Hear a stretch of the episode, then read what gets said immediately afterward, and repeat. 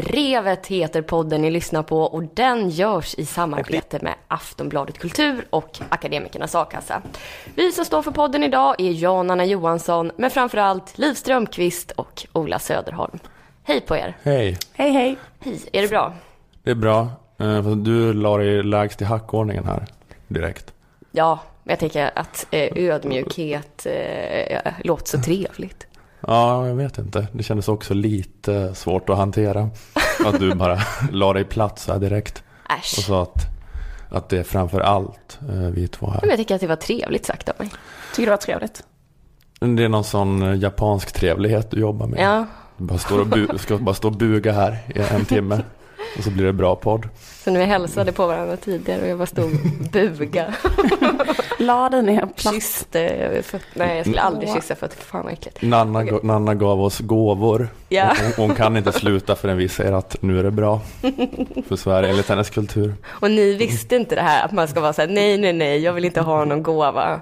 Eh, säga det tre gånger, sen ta emot. Så vi bara tog. Ni bara tog. Ja, tack, Eh, det tack. jag tyckte det var Sa Eh, hörni ni, Ola och Liv, eh, eh, vi tre har ju till uppgift att eh, varje vecka i alla fall försöka eh, hitta nya infallsvinklar på olika nyheter.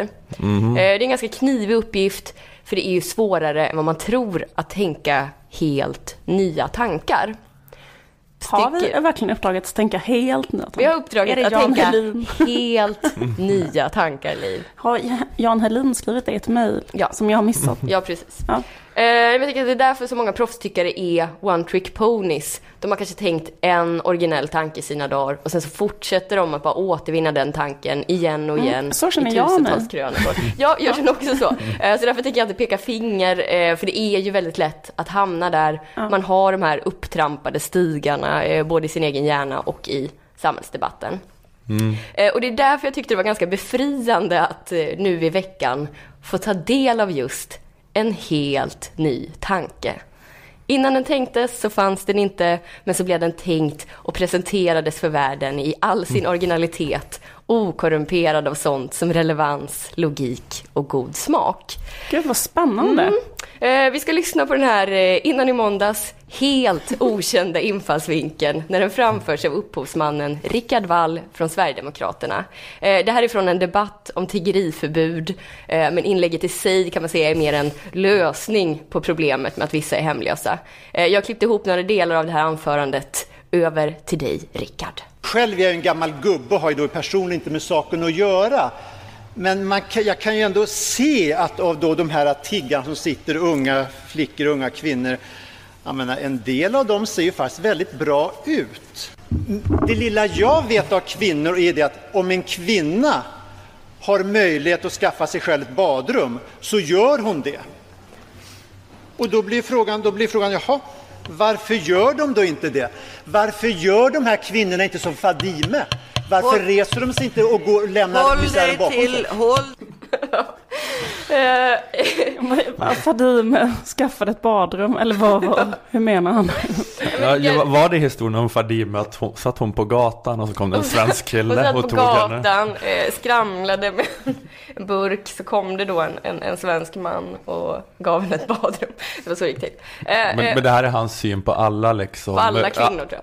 Jag menar alla relationer då man har olika etnisk bakgrund. Ja. Att då är det liksom en vit man som har kommit och liksom lyft den. lyft och gett henne ett en badrum. kvinna från gatan Ja, in i ett badrum. Stod det så här, det lilla jag vet om kvinnor är att de vill ha ett badrum. Ja, precis. Eh, jag menar ju alltså eh, att Ja, men här- också, det är också är, liksom rasifierade kvinnor är sådana som inte har ett badrum. Ja. Det är ändå utgångspunkten också. Men man kan få ett badrum. Man kan få med, ett Med badrum. sitt gulliga yttre. De här, ja precis. Eh, de här kvinnorna som han gång på gång också beskriver som eh, tjusiga eh, behöver nog inte sitta på gatan. Eh, han säger lite senare att allt de hade behövt göra är att sträcka ut sin hand så kommer någon att ta den. Eh, underförstått då en svensk man med ett badrum. Och sen kom någon eh, eh tråkmåns från Fi upp och frågade om han menade då att, att de ska prostituera sig. Eh, nej, nej, svarade Rickard Wall. Han snackar ju om att de här tjusiga kvinnorna då ska eh, ingå ett livslångt äktenskap med någon av alla härliga gubbar med badrum eh, som Sverige har att erbjuda. Eh, så det här är alltså Rickard Walls lösning på frågan om hemlöshet, i alla fall för de tiggande kvinnor som bedöms som tillräckligt attraktiva. De borde bara gifta sig till ett badrum. Eh, lite kan man ju känna att de nu attraktivitet är ett kriterium för att få ha ett badrum, så är det konstigt att Rickard Wall har ett badrum. Men strunt samma. För jag kan känna att eh, det ändå är så himla sällsynt med ett sånt här unikt sätt att tänka och lösa problem.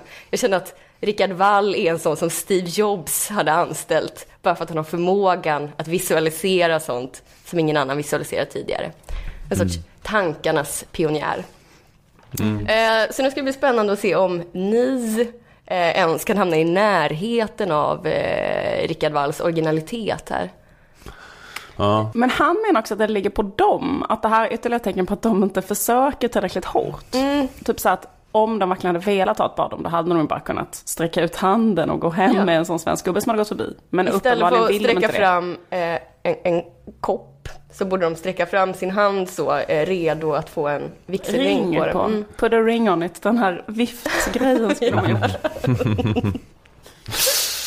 mera Beyoncé-feminism bland Stockholms hemlösa.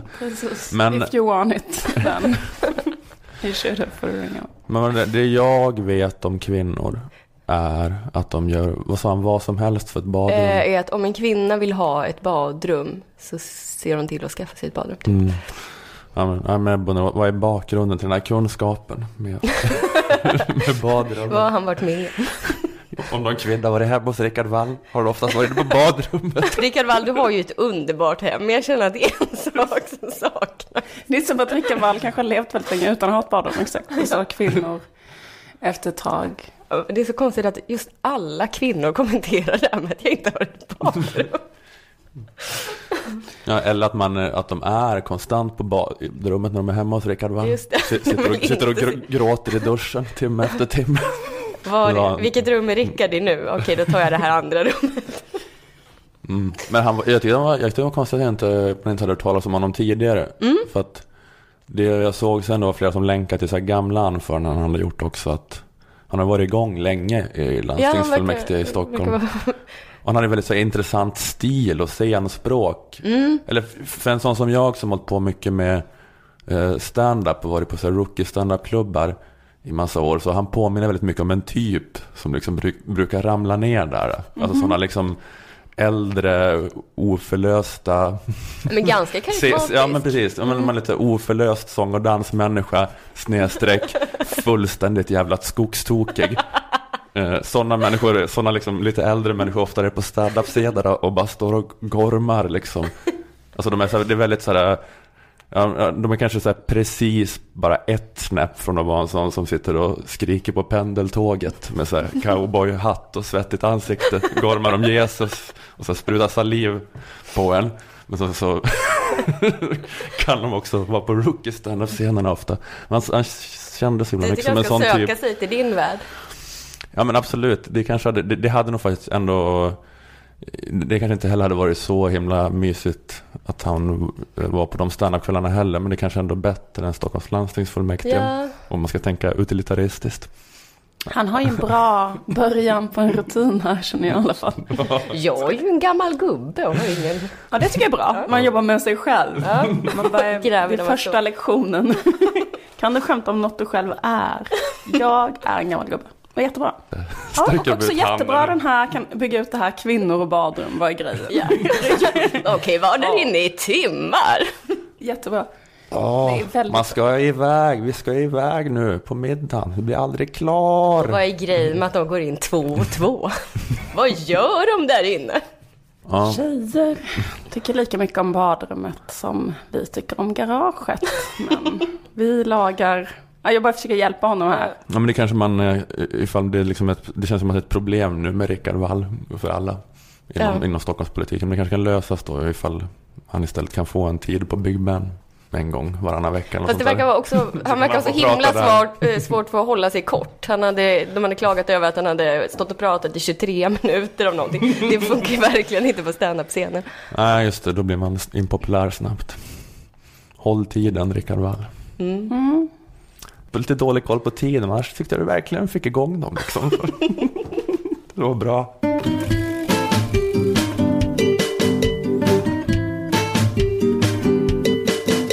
Helena Bergström har gjort en julfilm Yay!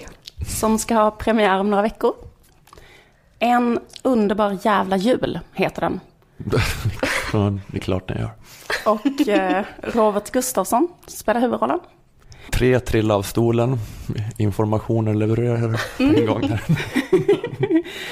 Om ni hade haft ett litet plommonstop hade det skjutits upp från era huvuden Sprätt från tre mitt huvud, gånger. landat på Olas. Sprätt iväg. Men den här filmen handlar egentligen inte bara om jul. Nej. Utan också tydligen väldigt mycket om allt man inte får säga i det moderna Sverige. Den, den, den, den, handler jo egentlig ikke bare om jul, den handler jo veldig mye om, om alt man ikke får si.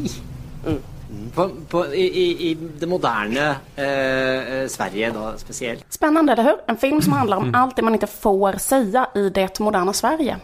Man blir nyfiken och jag tänkte att vi, man undrar vad, vad kan det vara? Vi kan lyssna lite på trailern från En underbar jävla jul.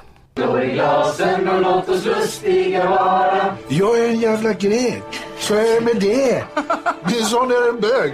Jag är en jävla grek, så är det med det. Min, din son är en bög. Ja. Ha ha ha. Hörde ett förlösande skratt. Ja. Det var från Maria Lundqvist. Äntligen blev hon befriad. Någon kunde säga högt det alla tänkt om grekerna ända sedan de arbetsinvandrade till Sverige för 40 år sedan. Det var två Eh. som kom ut ur garderoben där. En kom ut som bög, en som grek. Just det, precis. Men finns det ett annat ord för greker som är mera lämpligt? Som eh, PK-maffian använder? Nej. Nej, Nej. men då är det bara att säga jag är en grek. Istället för att man ska hålla på tassa runt den här ömma, otroligt ömma Man ser tån. att någonting är annorlunda med den här personen. Det bara är där. Oh, vad är det för något? Men vi kan väl alla känna igen oss den här otroligt så här, den ömma tån som grekerna utgör i det svenska samhället. Den här Ja. varböld som vi har alla liksom på något sätt försökt att undvika att eh, komma nära. Helena Bergström pillar där det gör allra, allra ondast. Ja, Exakt. Får inte tala om bögar. Eh, din son är en bög, utropar pappan i den här trailern.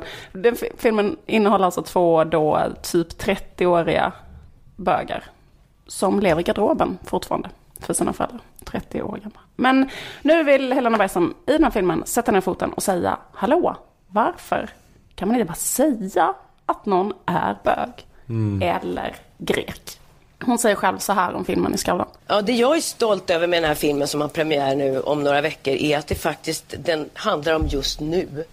Och eh, att vi trampar på väldigt många äggskal som jag liksom kallar det för. Det är det vi egentligen inte får prata om.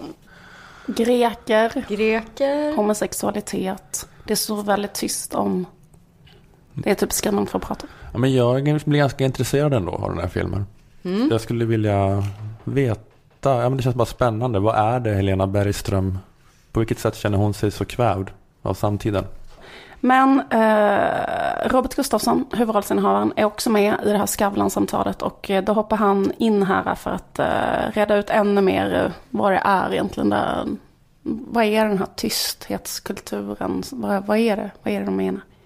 Alltså, vi har ju, i Sverige idag har ju, lider ju, tycker jag, av någon slags PK-fascism. Alltså att, Altså politisk korrekt. ja, det- korrekt. Ja. Eh, Att, att eh, du måste, om du, alltså du, det känns som att snart vågar inte en journalist eller en programledare till exempel, eller en konstnär eller en skådespelare eller en, eller en vanlig person som skriver en insändare, vad som är, inte, om, man inte, liksom, om det inte tydligt framgår att du är att du är, eh, bakar degebröd på morgonen, att du sorterar soporna, att du är med i Greenpeace, att du är feminist, att du, att du är liksom, älskar barn eh, och, och eh, springer Stockholm Marathon och går med i Pridefestivalen och allt det. Då, då är du en dålig människa. Och, och du fyller du inte, om du inte uppfyller de här kraven så blir du uthängd va, eh, på sociala medier och blir liksom tills du måste be om ursäkt och, och krypa till korset och sådär.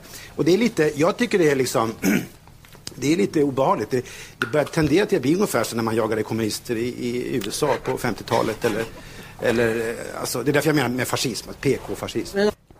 Blir Robert Gustafsson uthängd för att han inte går i, i Pride? eh, Ja, eller för att han inte springer Stockholm Marathon. Då Ja. blir det som det var i McCarthy. Eh, alltså att han eh, kommer på en sån blacklist och inte får vara verksam. ja, just det. Men han har, eh, det kanske stämmer på så vis att det är säkert några på sociala medier som har skrivit äckliga gubbe. Jag tror jag har gjort det en gång när, när han hade så här publicerat en, en skojig bild över så här, så här ser den kvinnliga hjärnan ut. Och då var det typ så här, eh, här är lilla centret för de nöglarna. Jag vet inte, det var så jävla, det var så jävla, jävla tråkigt. Ja. Och då kränkte du honom, då drevade du mot honom. Ja, Men jag alltså, jag har också gjort det. Jag har ju också skrivit en, jag har gjort en jätte, jätteelak serie om honom. Det var för att han hade sagt att kvinnor är inte lika roliga som män och kan aldrig bli det av evolutionära orsaker. För att kvinnor vad heter det, har inte behövt vara roliga för att få ligga. Men det har män, så därför har liksom mäns rolighet gått, eh, vad heter det, utvecklats. Just han sa det här i en intervju i Svenska Dagbladet Ja, eller sånt där. Då gjorde jag en serie som gick ut från det. Så att jag är också, kan man säga, det är också mitt fel. Mm. Jag delar den. Det är liksom, ja just det, jag sitter här med eh, Gestapos två översta officerare Precis. som har lett det här. Det är tack vare oss som det har gjorts en film som heter... Vad heter den? Underbar jävla En underbar jul. jävla jul. ja, men hur som helst, man kan eh, ju raljera lite att det är var lite överdrivet det här med, eh, Ja, eh, med, med sådär. Visst, Ja. visst, visst, det fattar alla som lyssnar på detta. Men jag tänkte prata om en grej som jag tänker på som detta var liksom ytterligare ett exempel på, nämligen en liksom åsikt som jag tycker att man hör väldigt, väldigt ofta. Eh, eh, som är nämligen att eh, Sverige, eller liksom att det finns en speciell PK-kultur i just Sverige.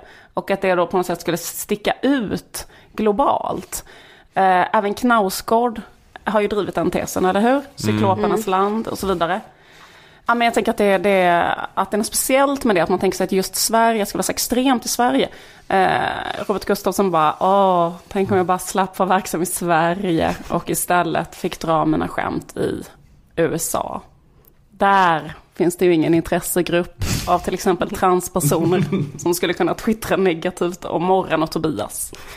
Inte en enda sån intressegrupp finns i USA. Där hade jag kunnat göra den här gamla Nile City-sketchen med de koreanska adoptivföräldrarna som inte kan säga är helt fritt. Utan ett enda negativt tweet. För ras är ju inte ett känsligt ämne på det sättet i USA som det är här i stela Sverige. Eller Knaus skulle bara drömma sig bort till hur det skulle underbart skulle vara att ge ut sin roman i USA. Den som handlar om att en vuxen lärare ligger med en 13-årig elev. Ingen i USA skulle tycka det var något med det eftersom det är ju ett uttryck för den här typiskt svenska PK-överkänsligheten. Det finns liksom, jag tänker också vara intressant eh, att det är så pass etablerad tanke här att det är från Sverige. Eh, Erik Helmersson, DN-skribenten, skrev om politisk korrekthet eh, i DN förra veckan. Och då hittade han liksom rötterna till hela fenomenet i liksom den svenska geografin. Han skrev så här.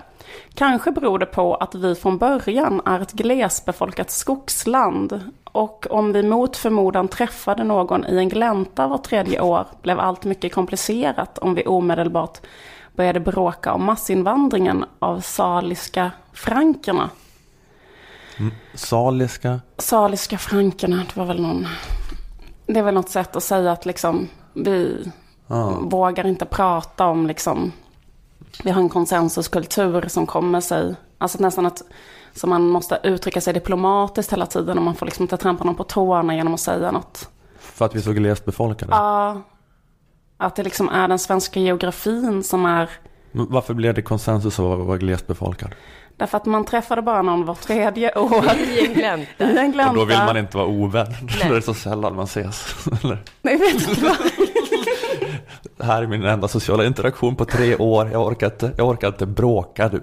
Ja men det är, det är speciellt för då skulle man faktiskt kunna tänka sig att det skulle vara tvärtom. Att det är så här, jag, den här människan kommer inte jag att träffa på tre år. Jag skriker bög till den. Spring, kasta kottar. Eh, men i alla fall, han menar att det är, uh, alltså liksom att rötterna till alltihopa är svensk. Men hur- Speciellt. Uh, Och att det kanske har kommit till USA tänker jag då via, jag vet inte vad, kanske via utvandrarna Ja. skulle kunna vara. Att det är liksom svenskättlingar som har inspirerat amerikansk tv till exempel till att inte använda n-ordet och sådana saker. hade det inte funnits svenskar i USA så hade det liksom inte blivit en issue i USA. Nej. Det här med, det hade varit en totalt okontroversiell fråga.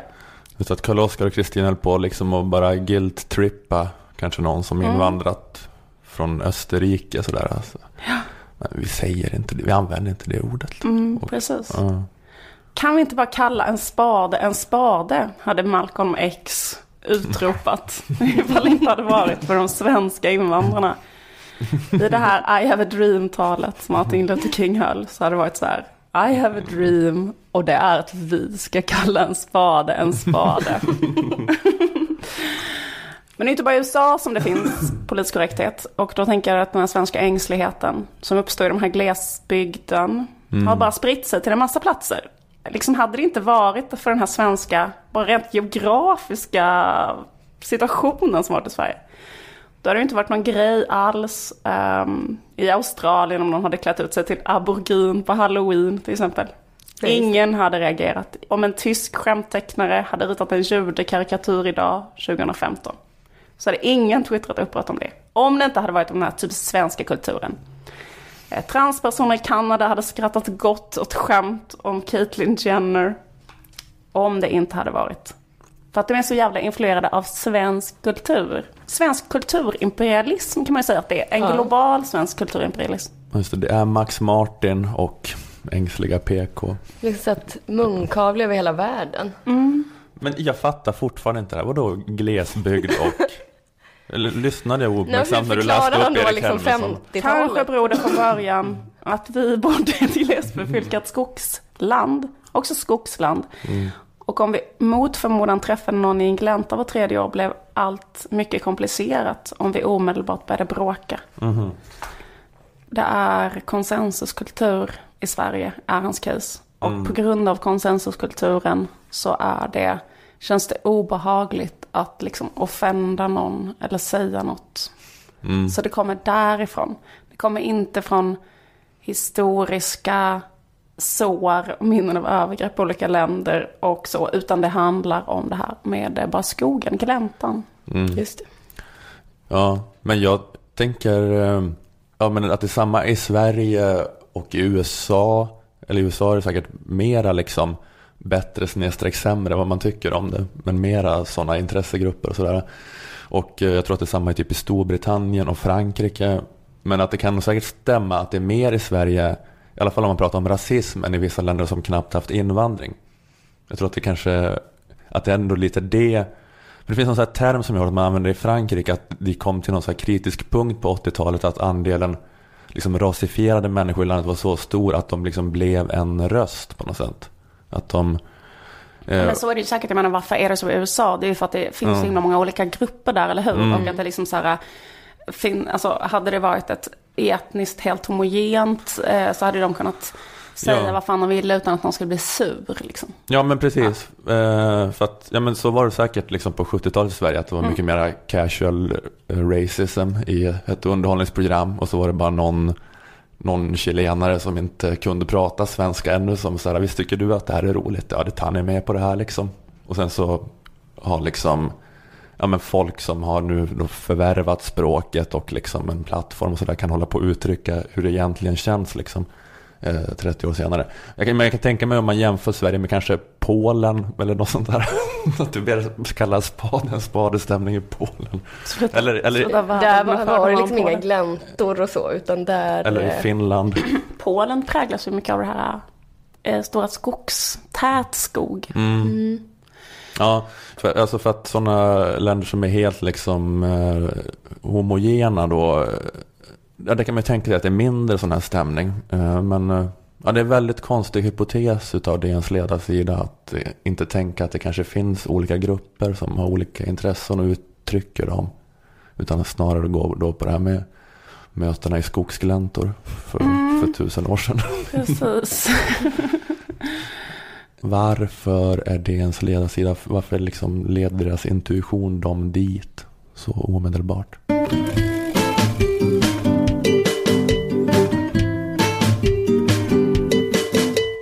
Den här podden görs ju eh, i samarbete med Akademikernas A-kassa.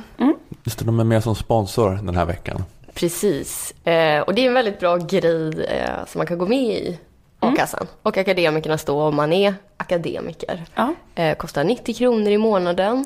Och man kan läsa mer om det på aea.se.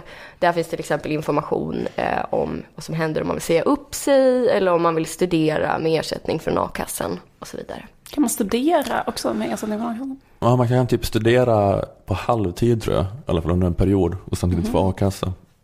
Det hade jag velat göra. Vad skulle du studera då? Jag skulle studera teknisk fysik. Allvarligt?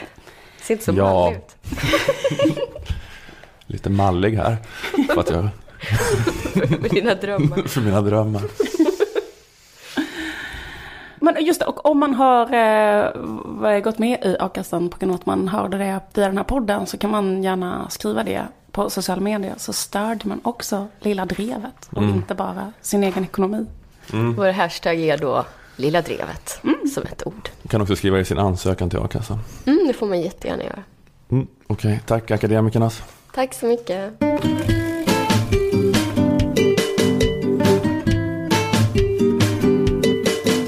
Tyska bilföretaget Volkswagen, eller Folkvagn som man kallade det när jag var liten. Ja. Innan svenskan blev så nedlusad av germanismer. Just det. Världens största biltillverkare. Jaha, Är det det? Ja. Nu ser du mallig ut igen för din kunskap. Det var, ett, det var ett nervöst ja. ja. men jag tror att, jag, att den informationen flimrade förbi när jag satt och googlade på det här. det är det säkert. Ja, jag, jag, jag kan inte syna din bluff. De eh, har en utsläppsskandal som pågått nu under hösten. Har ni hört om det här? Mm, jag hörde lite igår på Aktuellt. I sju års tid har de manipulerat en mjukvara i dieselbilar som gjort att det på tester sett ut som att deras bilar har släppt ut mindre avgaser än vad de faktiskt gör. Vad otäckt. 40 gånger lägre när det gäller kvävedioxid. Eh, och nu häromdagen så ja, då blev skandalen större för att, eller det att det har gällt mer och mer bilar men nu är det också vanliga bensinbilar har manipulerats på något sätt, inte bara dieselbilar. Ja, ja. Varför har de gjort det här? Varför har de gjort det här? Ja, det måste ju vara eh, att de inte har tagit det här miljöfrågan faktiskt på allvar. Nej, kan man säga. Och en expert uttalade sig där, studie 1. Jag tror det var en ekonomijournalist på eh, Svenska Dagbladet. Men det har varit en oerhört stark ilska över att Volkswagen inte tar miljön på allvar. Miljön som är så viktig. Man hör någon på radion säga Volkswagen har inte tagit miljön på allvar. Då känner man instinktivt Fuck Volkswagen. När det gäller... Hur kan ett bilföretag inte ta miljön på allvar? Jag förstår inte. När det gäller för och emot att ta miljön på allvar tänker jag heja på förlaget. Att de som är emot har tänkt fel. Historien kommer inte vara nådig mot de som valde att vara emot att ta miljön på allvar. Nej. Nej. Vad menas med att ta miljön på allvar? Alltså, det kan ju inte vara att man manipulerar sin mjukvara. De har ju ändå ansträngt sig. Jag tycker det är liksom lite För att, extra dia- uppseendeväckande diaboliskt ändå. Ja, men vad är det Volkswagen har misslyckats med att göra? Alltså jag tänker för att de har ju sagt om sig själva, vi tar miljön på allvar. Och sen så har de inte gjort det nu genom att manipulera. Men vad var det då de skulle göra? Vad var det de misslyckades med? Alltså om man bara ska försöka lyfta perspektivet pyttelite kan man ställa sig den frågan. Men tyvärr är liksom svensk journalistik när det då gäller sådana här frågor så gravt, gravt efterbliven. Att det aldrig någonsin sker. Att det är som när så här kulturtanten leder morgonsoffan i SVT och det kanske har hänt något fotbollsrelaterat. Hon måste eh, intervjua fotbollspersoner. Det är inte hennes fel där då, det är helt okej. Men jag menar att det är alltid det när det är liksom någon sån här klimatgrej, att det är en journalist helt i händerna på den som den intervjuar.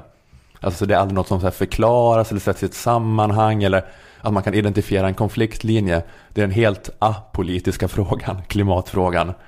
Någon person sitter och säger något om miljön. Vem är den? Var kommer den ifrån? Vad har den för motiv? Skitsamma, det är en expert. Alltså det är ungefär som man, man skulle ha så här gäster. Nu ska någon säga något om ekonomin. Är det en marxist eller en libertarian som säger det här? Vad spelar det för roll? Det är ju en expert Ja. som är expert på ekonomin. Det ramlade in en här och sa att han var expert på ekonomin. Så nu får vi väl helt enkelt bara eh, återge vad, vad den personen säger okritiskt. Eh, men, det, men det är som med miljöjournalistiken. Det är så här, vems problemformulering ska vi köpa? Vem som helst som säger att den är för miljön, den personens problemformulering accepterar vi. Till exempel kan vi köpa bilindustrins problemformulering. Deras version av vad som är bra för miljön. Eh, för vad är det då Volkswagen har gjort? Eller, eller vad är det liksom som de hade avsett att göra med hela den här kampanjen då som har eh, visat sig att de fuskar med? Ja, alltså, det konkreta är i det här fallet är att Volkswagen tillsammans med BMW och, och eh, Mercedes har drivit en kampanj i USA för att verkligen introducera dieselmotorn. Och man har då ironiskt nu, får man säga, kallar det för clean diesel, alltså ren diesel. Ja, eh, nu är det ironiskt att kalla det ren diesel. Innan hade det inte varit ironiskt att kalla Nej. någonting för ren diesel. Nu när de har fuskat med utsläppsnivåerna. Ja, men precis. Innan dess, inget ironiskt med ren diesel. Ingens ironi. Det är så här, man kan, man kan börja tvätta ringa. sin bebis i diesel. Det är så himla det. Och då blir bebisen renare än vad det var innan. Ja. Efter att man har badat i en pool med klor så får man spola av sig i diesel sen liksom. Så, att, så man, Bara ställa sig bakom en sån dieselbil och ånga sig. Steambada bakom ett avgasrör. Om man har astma kan man bara gå och inhalera direkt från avgasröret. Clean i luftrören. Mm.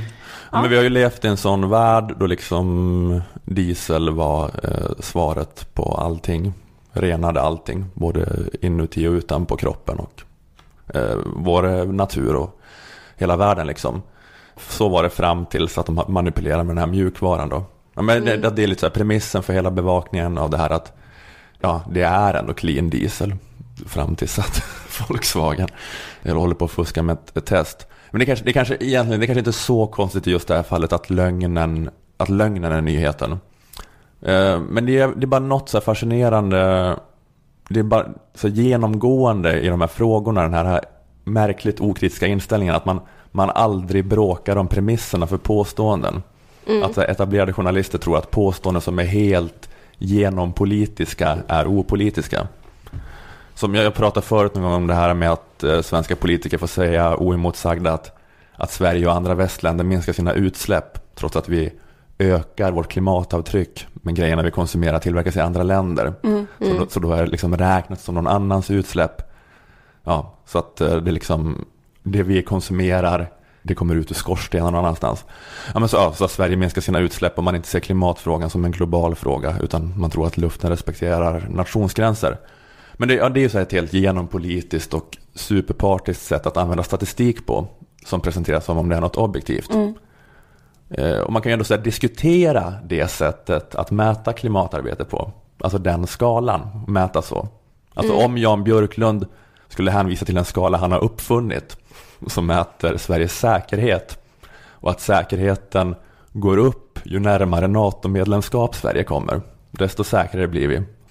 Alltså då skulle inte alla bara acceptera det sättet att mäta säkerhet på, tänker jag. Nej. Eh, Men, eh, men det är som att den förmågan till kritiskt tänkande saknas när det gäller klimatfrågan. Men, man men det jag menar bara att man kanske skulle kunna ha en diskussion till exempel om hela grejen med att rädda klimatet med clean dieselbilar innan det visar sig att mätningen av clean diesel eh, har manipulerats. För att det här med ren diesel, det har varit ett statslett initiativ som har pågått jättelänge. Alltså Europas länder har sedan 1990-talet försökt ställa om hela fordonsflottan till att drivas med diesel istället för med hjälp av vanlig bensin. Och man har också hållit på med skattesänkningar som gjort det billigare då, både med bilarna och med själva liksom att tanka. Som man har, som man har gjort att eh, nu är mer än halva bilmarknaden i EU är eh, dieselbilar. Och, ehm, och anledningen då till att det här dieselprojektet drogs igång var för att så här, minska klimatutsläpp, klara koldioxidmål. Eh, Och det stämmer då att dieselbilar släpper ut mindre koldioxid än vanlig bensin. Men i gengäld släpper de ut extremt mycket mer kväveoxider och så sot och partiklar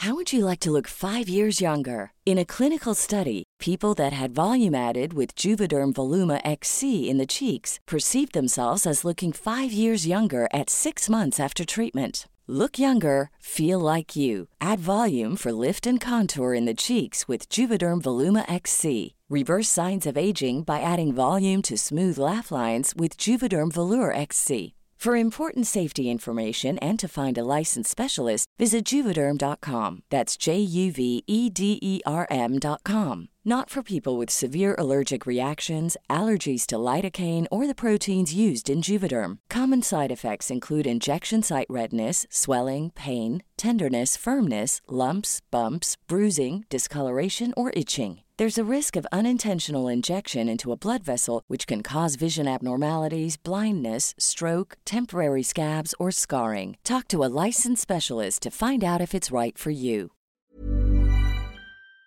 Klar.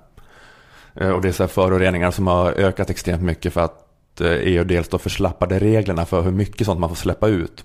För att man skulle kunna ställa om till de här dieselbilarna. Eh, Och sen har då Volkswagen och kanske andra fuskat med de här redan förslappade reglerna och släppt ut ännu mer. Men i alla fall, det, det är föroreningar som inte är klimatgaser då, det är inte som koldioxid, men Nej. de förstör luften i storstäderna och orsakar hjärt och lungsjukdomar och astmaattacker. Och studier visar att massa människor har dött en för tidig död på grund av det här. Men det är inte alls det som är det intressanta egentligen. Att det har blivit en alarmerande föroreningssituation i många europeiska städer. Att människor dör av att andas på typ Hornsgatan.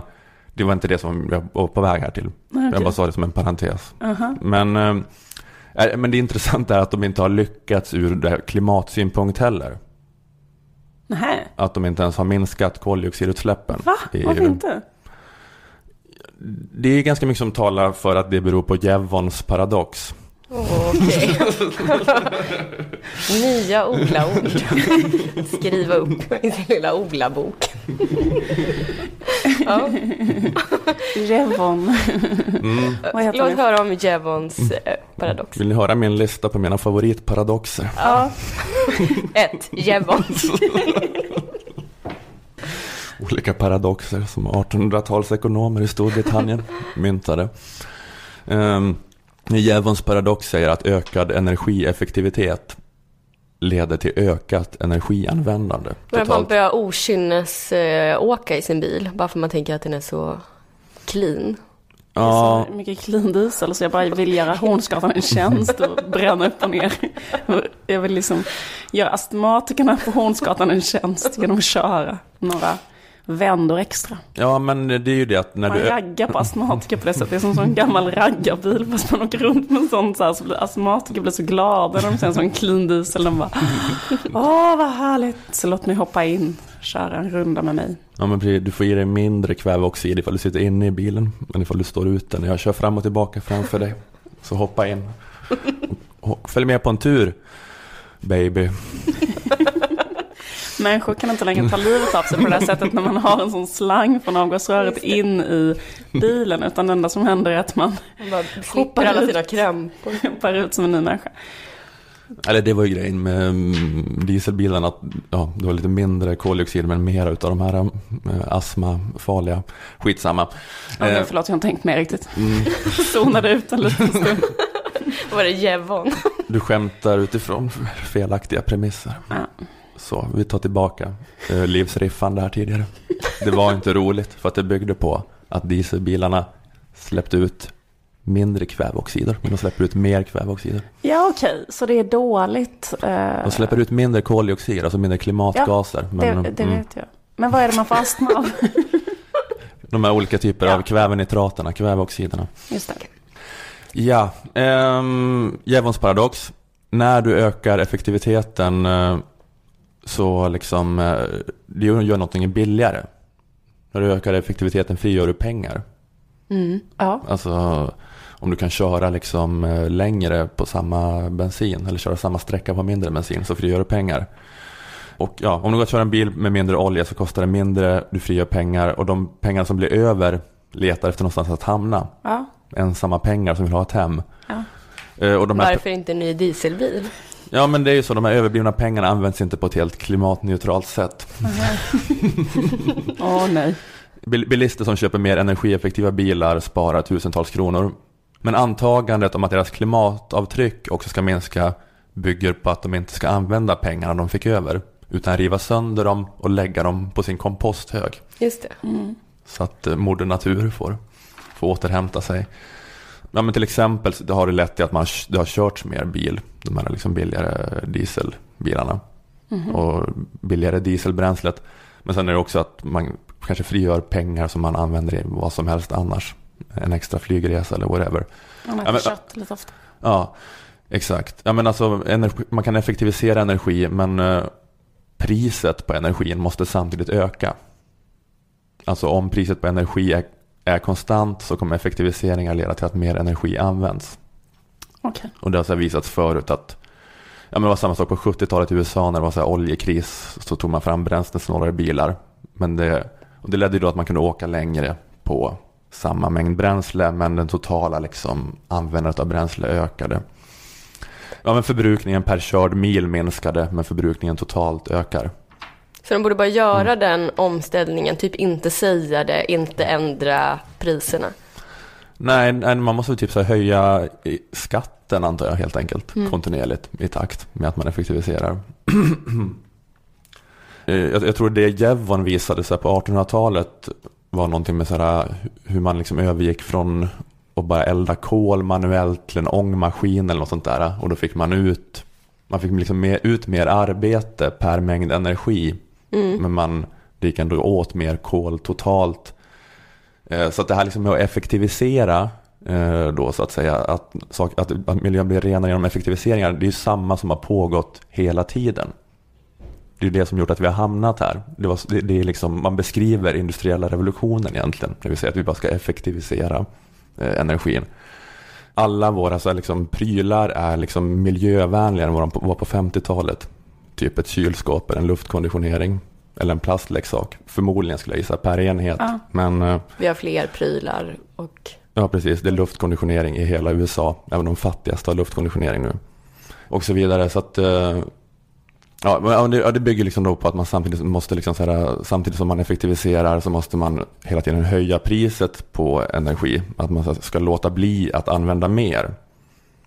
Men det är ju dåligt för till, kortsiktig tillväxt. För att det är ju det som är hela grejen med att effektivisera. Nu säger man att vi ska göra det för miljön, men det har man ju alltid gjort för tillväxten. Det är det som är tillväxt, man får mera pang för pengarna på något sätt.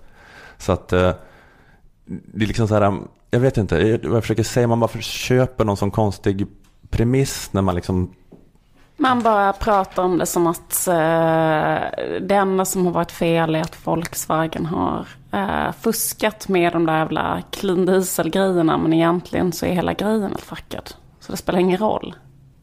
Ja men det är som att, ja, men alltså att förespråka effektivitet blir så, det är så helt riskfritt. Till skillnad då från sånt som kräver uppoffringar. Alltså att sätta tak på utsläpp, sätta ett pris på koldioxid, energiskatter och så vidare. Liksom att, eh, ja, nu beskriver man egentligen då bara att det är bara mer utav samma. Alltså effektiviseringar, det som har pågått hela tiden. Det är liksom det som har försatt, det som gjort att man har hamnat här. Det är det som liksom är lösningen eh, på klimatfrågan.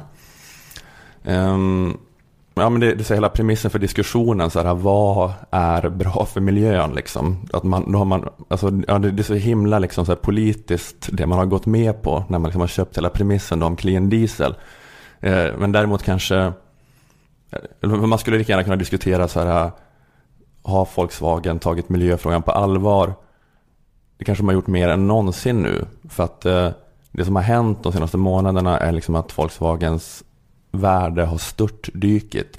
Det har liksom minskat med lika mycket som Sveriges BNP. Nej, inte riktigt, men oerhört många hundra miljarder.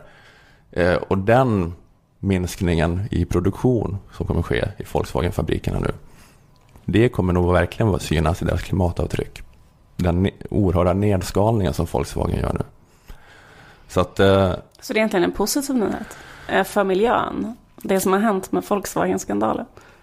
Ja, eh, det, det är liksom, eh, jag tycker också att det perspektivet skulle kunna vara med om man inte vill så här, ta så tydlig politisk ställning i sin bevakning. Att man också kan fundera över det. så de ska ringa dig nästa gång. Nej, men jag menar att, ehm, eller för att det är ju så här då att om man ska effektivisera så måste ju saker samtidigt bli dyrare. Och det här det är ju inte Volkswagen som bestämmer det, hur dyrt det ska vara med olja. Men det är ju det, har ju, det de har gjort alla de europeiska länderna, att de gick över till dieselbilar och gjorde dem mycket billigare liksom. För att folk, de, de gjorde ju så tvärtom, de tog ju bort skatter på det. Så att det var ju verkligen då eh, Jevons paradox att frigöra jättemycket pengar.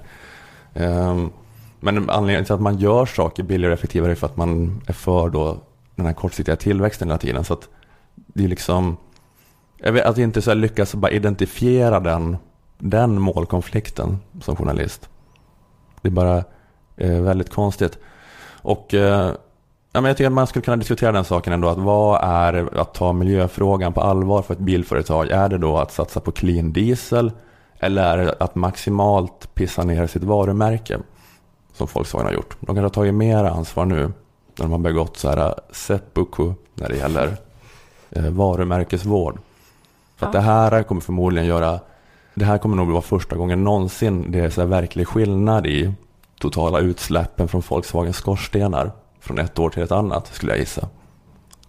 2006 Söderholms paradox. 2016 kommer vara det bästa året någonsin liksom. När man mäter skillnad från föregående år i hur man har liksom lyckats förbättra sitt klimatarbete.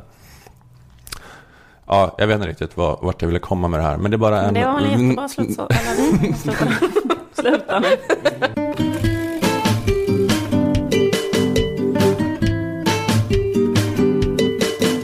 Det är ett problem att människor söker asyl som ensamkommande flyktingbarn i Sverige utan att man med säkerhet kan veta deras ålder.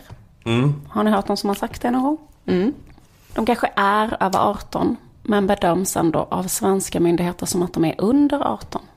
Brukar folk hetsa upp sig över. De skulle också kunna vara under 18 fast bli bedömda av svenska myndigheter som att de är över 18. Eller hur? Just det. brukar inte lika många hetsa upp sig över. Men det är också en sak som skulle kunna hända. Hur som helst, Moderaterna gick ut i veckan och sa att de ville skärpa reglerna för ensamkommande flyktingbarn som kommer till Sverige. De har ju sin tagline ordning och reda i flyktingmottagandet. Har de det nu? jag tycker jag hör det varje gång jag Ja, hör en moderat prata. Ordning och reda. Ni ska ha ordning och reda i flyktingmottagandet. Säger Anna Kinberg pratar med sån röst. Ja, Jag kanske. tycker det är väldigt viktigt att det är ordning och reda för det svenska flyktingmottagandet. Ja, det är kanske så hon pratar. Eller? Är inte det med Beatrice Ask att prata så? Att jag pratar lite så här. Jag är så- liten. Nej, jag Men det- tror men det är ordning ny- och reda. Det är en ny talepunkt som de har hittat på. Nå- Ja. Någon strateg. Någon har hittat på det. Det känns lite som att Schlingman har slutat, eller? Ja, de har slutat för länge För sedan. väldigt länge sedan. För det här är inte lika bra som det brukar vara.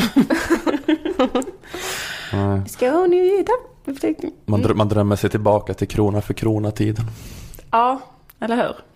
Ordning och reda i flyktingpolitiken. Det låter bra, eller hur? Ordning och reda. Bringa ordning och reda i ett kaos.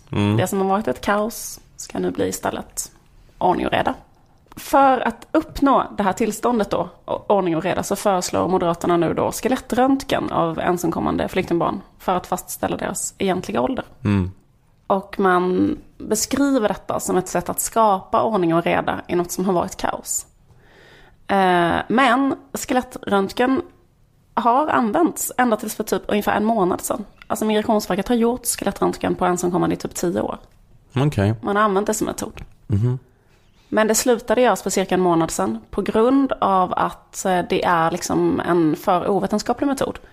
Sveriges tandläkarförbund, Sveriges barnläkarförening vill inte utföra den. De vill inte använda den som grund för eh, att bedöma ålder. PGA, att det inte är en metod som går att bestämma ålder med. Det Anders Järn, professor och barnläkare, säger så här, kolon. Det går inte att fastställa åldern med den metoden.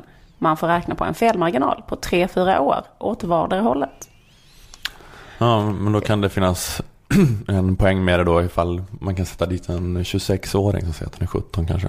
Ja, man kan göra det, alltså, men det är också så här, man kan också göra då, som man gör till exempel i Storbritannien, en psykosocial utredning. Har större chans att bestämma vilken typ av behov också den här personen har av extra stöd. Alltså det handlar Mm. också om, alltså kanske inte bara exakt hur ens tänder ser ut, utan också så här, vilken typ av psykosocialt stöd behöver en person? Men gör, gör man det på alla eller gör man det på, på eh, barn som då är liksom över en viss ålder eller? Det är folk som man misstänker då, Som alltså, kunna vissa vara- kan man ju Så se. det görs inte liksom på löpande band så? Nej, det tror jag Nej. inte. Men samtidigt så är det inte en vetenskaplig metod, så därför har inte de velat göra det. För alltså Barnläkarför, Tandläkarförbundet och Barnläkarförbundet har inte velat göra det, för de är så här, det går inte att använda det här som, en, liksom, som ett bevis. Nej, men det är väl också jättedumt att utsätta folk för röntgen i onödan, känner jag. Eller? Jag vet inte hur säkert röntgen är nu för tiden och så, men det är väl ändå inte... Tandläkaren går ju ut ur rummet när man blir röntgad. Vad, vad, vad är det här? Är det farligt med röntgen? vad är det här för jävla elallergikersnack? Det är farligt, men alltså jag vet bara att jag har en kompis vars kille är läkare och hon var så här uh, orolig för att han omgår sig med så mycket uh, snygga sjuksköterskor. Och då brukade han alltid ha som så här tröstande ord. Ah, men du vet, det är röntgensjuksköterskor. Av att de är utsatta för så mycket röntgen så de är sådana jävla ras av sig all röntgen de är utsatta. Att de är Röntgen, de har blivit så jävla skadade av röntgen så man kan inte se dem som ett hot. Men för att blir de eh, fysiskt nedbrutna utav röntgen så att de, det blir ett, liksom ett kosmetiskt problem. Jag tror det blir problem på massa olika sätt. Man är i ett röntgenrum. De är inte attraktiva efter att ha varit i röntgen för länge. De blir helt nerbrutna av röntgenstrålar. Men har du aldrig någonsin hört att röntgen skulle vara dåligt eller farligt? Nej. Du är så, du är så rolig Ola. Vad fan, du vet väl själv. Eller, Varför skulle jag? Har aldrig hört det. men människa som är, då går tandläkaren ut. Har du aldrig varit med om det? Jo, min pappa är tandläkare. Ja, men jag är då, uppvuxen med röntgen. Jag hade inte varit den jag är idag om det inte varit för röntgen. det saknas en kaka typ? Så röntgar dina föräldrar dig för att se om den kakan var på en grund. Och det har inte jag tagit skada av ett dugg. om man är med någon som behöver röntgas i så säger de att man ska gå ut ur rummet också. Alltså man ska inte, om man är gravid får man inte bli röntgad. Har du aldrig hört det? Men Det eh, står ett sånt skyltar så här, är du gravid, gå ut från röntgenrummet. Så står det alltid. Man får inte vara där då. ja, ja okej, men ja, det är farligt på samma vis som brieost alltså. Okej, jag vet, jag, förlåt, jag hade aldrig hört att det var Går farligt. din pappa ut ur rummet när du öppnar Brio? I alla fall. Eh, hur som helst, skitsamma. Den här metoden är inte särskilt bra. Men Moderaterna håller på och säger att genom att införa den så ska värdet ordning och reda skapas. Men det i själva verket är så här, om man tror på vetenskap. Enligt vetenskapen kan man så säga att man införde ordning och reda i svensk flyktingpolitik för ungefär en månad sedan när man avskaffade den här ovetenskapliga metoden. Och nu vill Moderaterna återinföra kaoset i flyktingpolitiken genom att börja använda en ovetenskaplig metod igen. Och även sossarnas Morgan Johansson har gått ut och babblat om skelettröntgen. Eh, Så att de är all for det här nu. Ordning och reda. Eh, Men i och för sig kan jag säga till dess försvar att ordning och reda behöver ju inte innebära vetenskaplighet egentligen. Man kanske vill ha ordning och reda fast ovetenskaplig ordning och reda. Ja, men som så här, en eh, galen och stökig person kan ju liksom ha sitt system. Nej men eller Det är menar tänk att man kan ha så här extremt raka led i kön till frenologen. Eller så här, bara vissa stjärntecken kommer in, men inte en enda utanför. Så skulle man kunna göra. Alltså jag menar att det är ordning och reda i Liksom. röntgenkön, även om röntgen är en jävla skitmetod. Ja, eller liksom, ja men det är ju också bara som alla som kanske är ungdomskriminella och, och finner Gud. Det skapas ju ordning och reda. Det är ju inte Ja. vetenskapligt. Men det funkar. Så, så, att det är, så att det är liksom en mer så här religiös tukt. Som de Där, vill, Moderaterna eh, vill få in, kanske. Symbol. Det- Man, man håller på med en slags symbolpolitik eller en ritual vars syfte inte är det det säger utan syftet är istället en identitetskonstruktion där man vill framställa sig själv som kanske handlingskraftig eller bärare av värdet ordning och reda eller något Mm, sånt Men så är ju all politik. Po- skitsamma. positiva psykologiska mekanismer. Det är en öppen dörr, men okej. Eh, skitsamma, om vi återgår till den här frågan jag ställde i början. Varför är det ett problem att människor som söker asyl som ensamkommande flyktingbarn i Sverige eh, utan att man egentligen med säkerhet kan fastställa deras ålder? Eller vad skulle du fråga? Eh, nej men jag tänkte bara säga att jag menar, är det inte också så med det här då med den här röntgen att, att det är liksom det är så här nästan skitsamma nu känns det lite grann som med de här förslagen när det gäller migrationspolitiken om det är, så här, är bra egentligen eller rimligt egentligen. Det enda nu är ju bara att ifall de andra länderna har det här då ska vi ha det också. Mm. Alltså det är som med så här tillfälliga uppehållstillstånd att det är väl ingen som tror att det egentligen är bra för människorna som är här. Det är klart att det inte är bra för integrationen men det, det handlar liksom bara nu om så signalpolitik. Vi måste liksom ha samma som de andra liksom för att de bara här, är, är rädda för flödena. Så att det kanske är samma kategori där då med skelettröntgen på något sätt. Att Ja. ifall de har det där då måste vi också låta lika tuffa som de är i, i Danmark och Holland. Ja, Mm. precis. Jo, men Mm. så är det väl kanske. Jag, jag tänker liksom att det finns också någonting som är att det finns en ganska uppjagad snackis kring det här med äldre ensamkommande som poserar som barn fast de inte är det. På Mm. svenskvänliga forum har ju detta varit någon slags väldigt uppjagad stämning kring det. Känner Mm. ni igen det? Mm. Det är en spaning de har haft i väldigt många år. Skäggiga barn. Just det. Men vad jag tycker är lite intressant med det är så här att i debatten, och det tycker jag också i den här skelettröntgendebatten, att man är så här, nu ska det vara ordning och reda, nu ska vi inte ha några överåriga som poserar som barn och så vidare. Då framställer man det på något sätt i debatten som att om man är ett ensamkommande barn så får man asyl i Sverige. Typ att om jag typ slänger mitt pass vid gränsen, är 25 och går in och typ låtsas vara ett barn, då eh, får jag liksom uppehållstillstånd.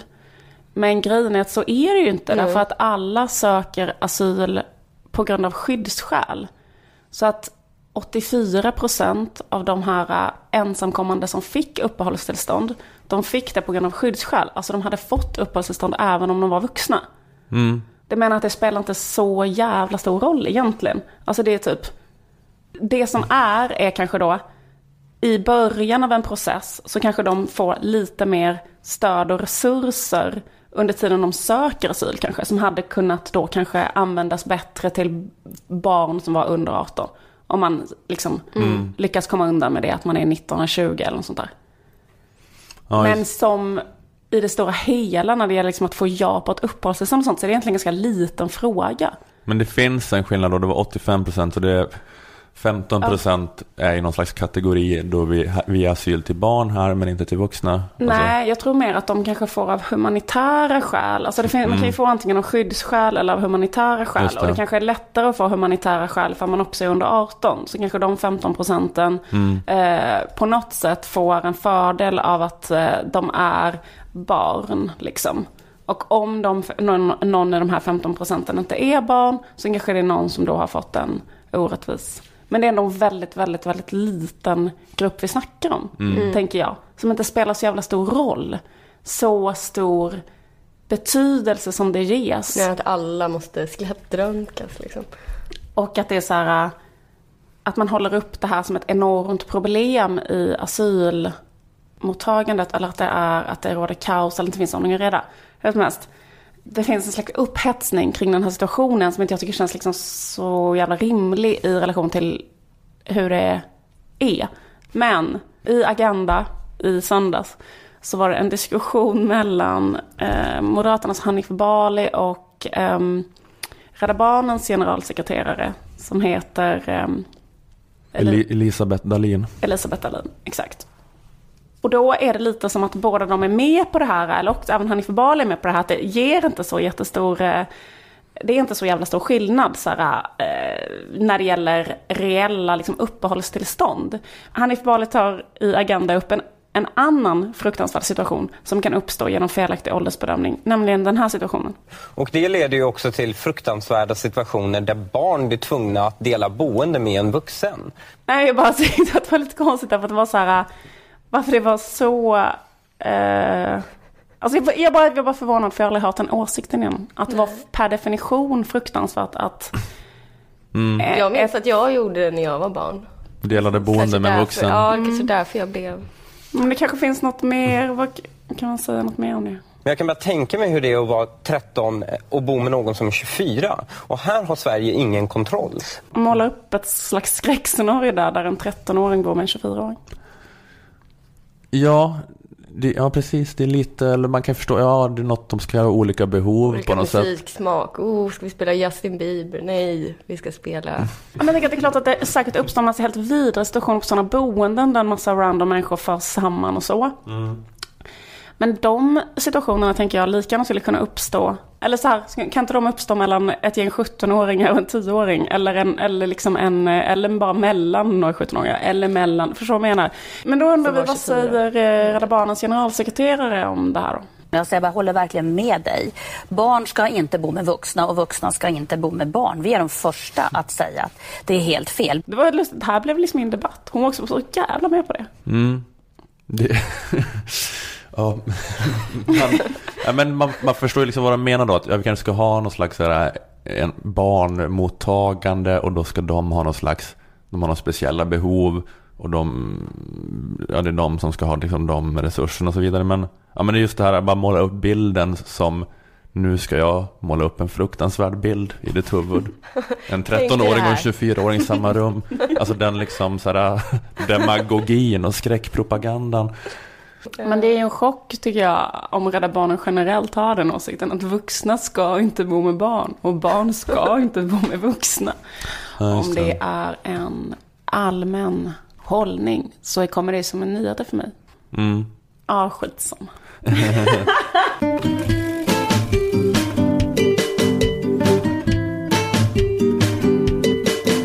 Eh, Jag brukar inte läsa så mycket eh, sån här eh, klicknyheter. Men häromdagen så föll jag till föga och läste följande. Gustav, 18, är nära drömdejten. Ingress. Hon är 18-årige Gustavs drömtjej och nu får han kanske gå på skolbalen med henne. Om 300 till retweetar hans önskan har Ex on the Beach-stjärnan Josefin Kvist lovat att bli Kalmarkillens dejt. Oj, det här vill man ju läsa mer om. Gustav förklarar i artikeln. Jag kollade på Ex on the Beach och när jag såg henne tänkte jag, det där är den snyggaste tjej jag någonsin har sett. Hon har allt. Hur många retweets ska jag få för att du ska gå på balen med mig? frågade han Josefin Kvist. Hennes svar var tydligt. 5000 så går jag med dig. Mm, eh, så Gustav gick alltså ut med eh, en efterlysning då på Twitter. Han skrev Svenska folket, nu behöver jag er hjälp. Var snälla och retweeta så jag får gå på balen med Josefin Kvist. Hashtag help. Eh, han blev faktiskt bönhörd. Inte bara svenska folket hjälpte honom, utan även media som blåste upp det här till en stor nyhet. Eh, Gustav säger till Kvällsposten. Jag har fått många kommentarer. Fan vad coolt. Jättebra idé och sånt. Ingen har varit negativ. Mm. Eh, ingen har alltså varit negativ, eh, så låt mig ta det ansvaret. Eh, jag tror att det här är en superdålig idé. Verkligen superdålig. Hur gammal är hon, Josefin Kvist? Jag vet inte. Nej. Eh, Men jag känner att är det någon man inte vill hänga en kväll med, särskilt inte en så viktig kväll som en balkväll, den största kvällen i alla unga killars liv, så är det en representant för samhällsgruppen kändisar. Jag har träffat kändisar, är vidriga människor, en cocktail av lika delar narcissism och jobbighet. Eh, Och nu kanske ni vill invända att en Ex on the Beach-medverkande inte är så mycket kändis som i känd. Men att vara kändis handlar ju mest om mentalitet. Skulle du halshugga din egen mormor i direktsändning bara för att få vara med i direktsändning, ja, då är du kändistypen oavsett om du är känd eller inte. Eh, Och jag kan känna att Josefin Kvist är ju kändistypen. Det visar hon ju inte minst när hon lägger ut villkoret för hennes och Gustavs relation. Att få ha lite mänsklig interaktion med henne på sin stora dag kostar 5000 retweets. Inte 5000 pengar, inte ens tågbiljett och hotell, utan 5000 retweets. Mm. Le, Eh. lever helt i klickonomin. Ja, precis. Eh, Och det är också här jag kan se vissa problem om tycke skulle uppstå mellan tonårskillen och realitystjärnan under den här, eh, i brist på bättre ord, magiska kvällen. Ifall de nu skulle vilja gå vidare med den här relationen. För alla steg i deras förhållande skulle ju hänga på retweets. Om det nu på skolbalen känns helt rätt, som att de är gjorda för varandra och kanske vill hålla handen, då ska det genast skyndas in på Twitter. Svenska folket, jag behöver er hjälp! 10 000 retweets så håller vi handen! Sen sitta där, irritera sig på alla som favoritar istället för retweetar. Handflatan blir bara svettigare och svettigare. Ska det gå, ska det gå, tänker man. Nu säger de 40 000 retweets så kysser vi varandra! Kom igen, svenska folket! Träffa svärföräldrarna! Jo visst, det kostar bara 80 000 retweets! Bara 500 000 retweets så skaffar vi barn med varann. Vi skaffar barn, svenska folk. Eh, jag ser bara problem med det här. Tyvärr Gustav, jag är ledsen om jag hällde smolk i din glädjebägare, men jag tror inte på det här. Jag tror inte på det. Men jag undrar också, liksom, för jag får känslan när, när han skriver så här, hur många retweets? Och så säger hon eh, 5000 bara för att slippa. Och sen säger det så här, Kvällsposten hakar på. Och så får han det. Alltså jag tyckte Ja. det känns liksom lite som att kan man inte förstå Du- att det är ett nej? Att han frågar så här, får jag chans på dig? Bara, mm, den dag grisar flyger. Ja, så bara- Kvällsposten har följt upp en bonde. Ja, men jag, jag kan tänka mig att det är rimligt ur hennes intresse också. Ja. Fast 5000 retweets betyder så pass mycket PR och eh, om man då är en sån reality-stjärna så, så är det det man måste liksom... Ja, kanske. Men det ska bli av i alla fall. Jag vet inte, jag vet inte om han har nått upp till de 5000 än. Eh, men det jag känner att vi kan lära Vadå oss... balen? Är vi inte i november? Vad är det för bal? Ja men det ska vara, det ska vara typ i maj. Han, han har god framförhållning. Ja, det är, men då, är det, då finns det också någon så här nivå av obehaglighet i det nästan. Att han sitter och tittar på Ex on the beach och den. Hon. Den vill jag ha. Den tjejen vill jag ha. Han sitter i Kalmar. Mm. Vi klämmer på henne. Vi tar på hennes hår. Det var så jävla vidrigt för henne. Hon kommer inte bli jättefull. Kommer sluta med att en sån tonåring som ligger så och juckar mot henne hela natten. Hon är avdäckad. Förlåt. Jag bara, vet du det är när folk är i den här åldern. Inte alla tonårskillar som stalkar realitystjärnor på Twitter vill jag säga. Ola, alla. Inte alla. Jo, Ola, alla. Bara för att det finns några som är lite dåliga på gränser bland tonårskillar som stalkar dokusåpastjärnor på Twitter. Så får man inte dra alla tonåringar som får en hang-up på, på dokusåpastjärnor. Eh, och bearbeta dem i ett år för att de ska gå på balen. Man får inte dra alla dem över en kam.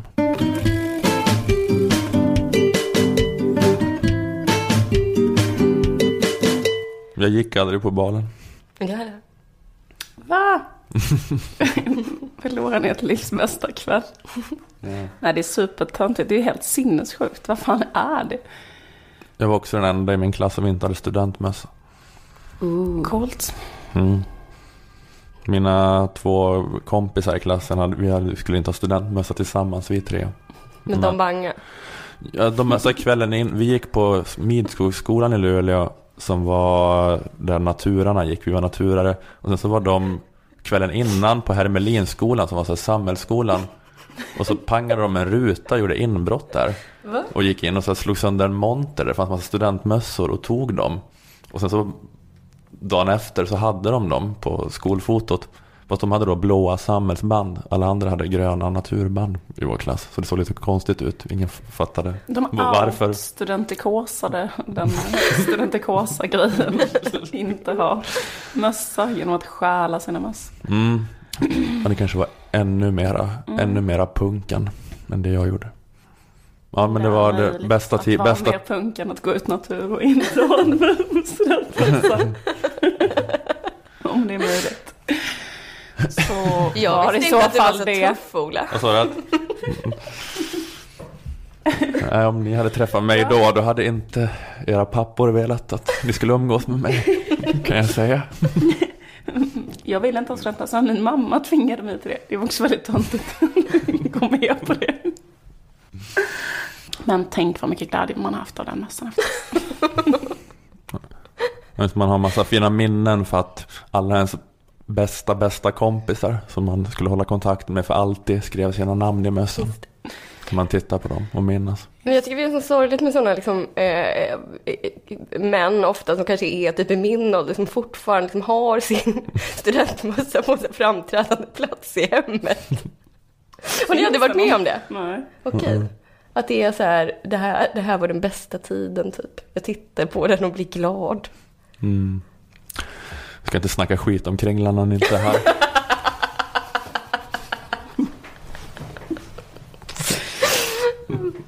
Vad är klockan?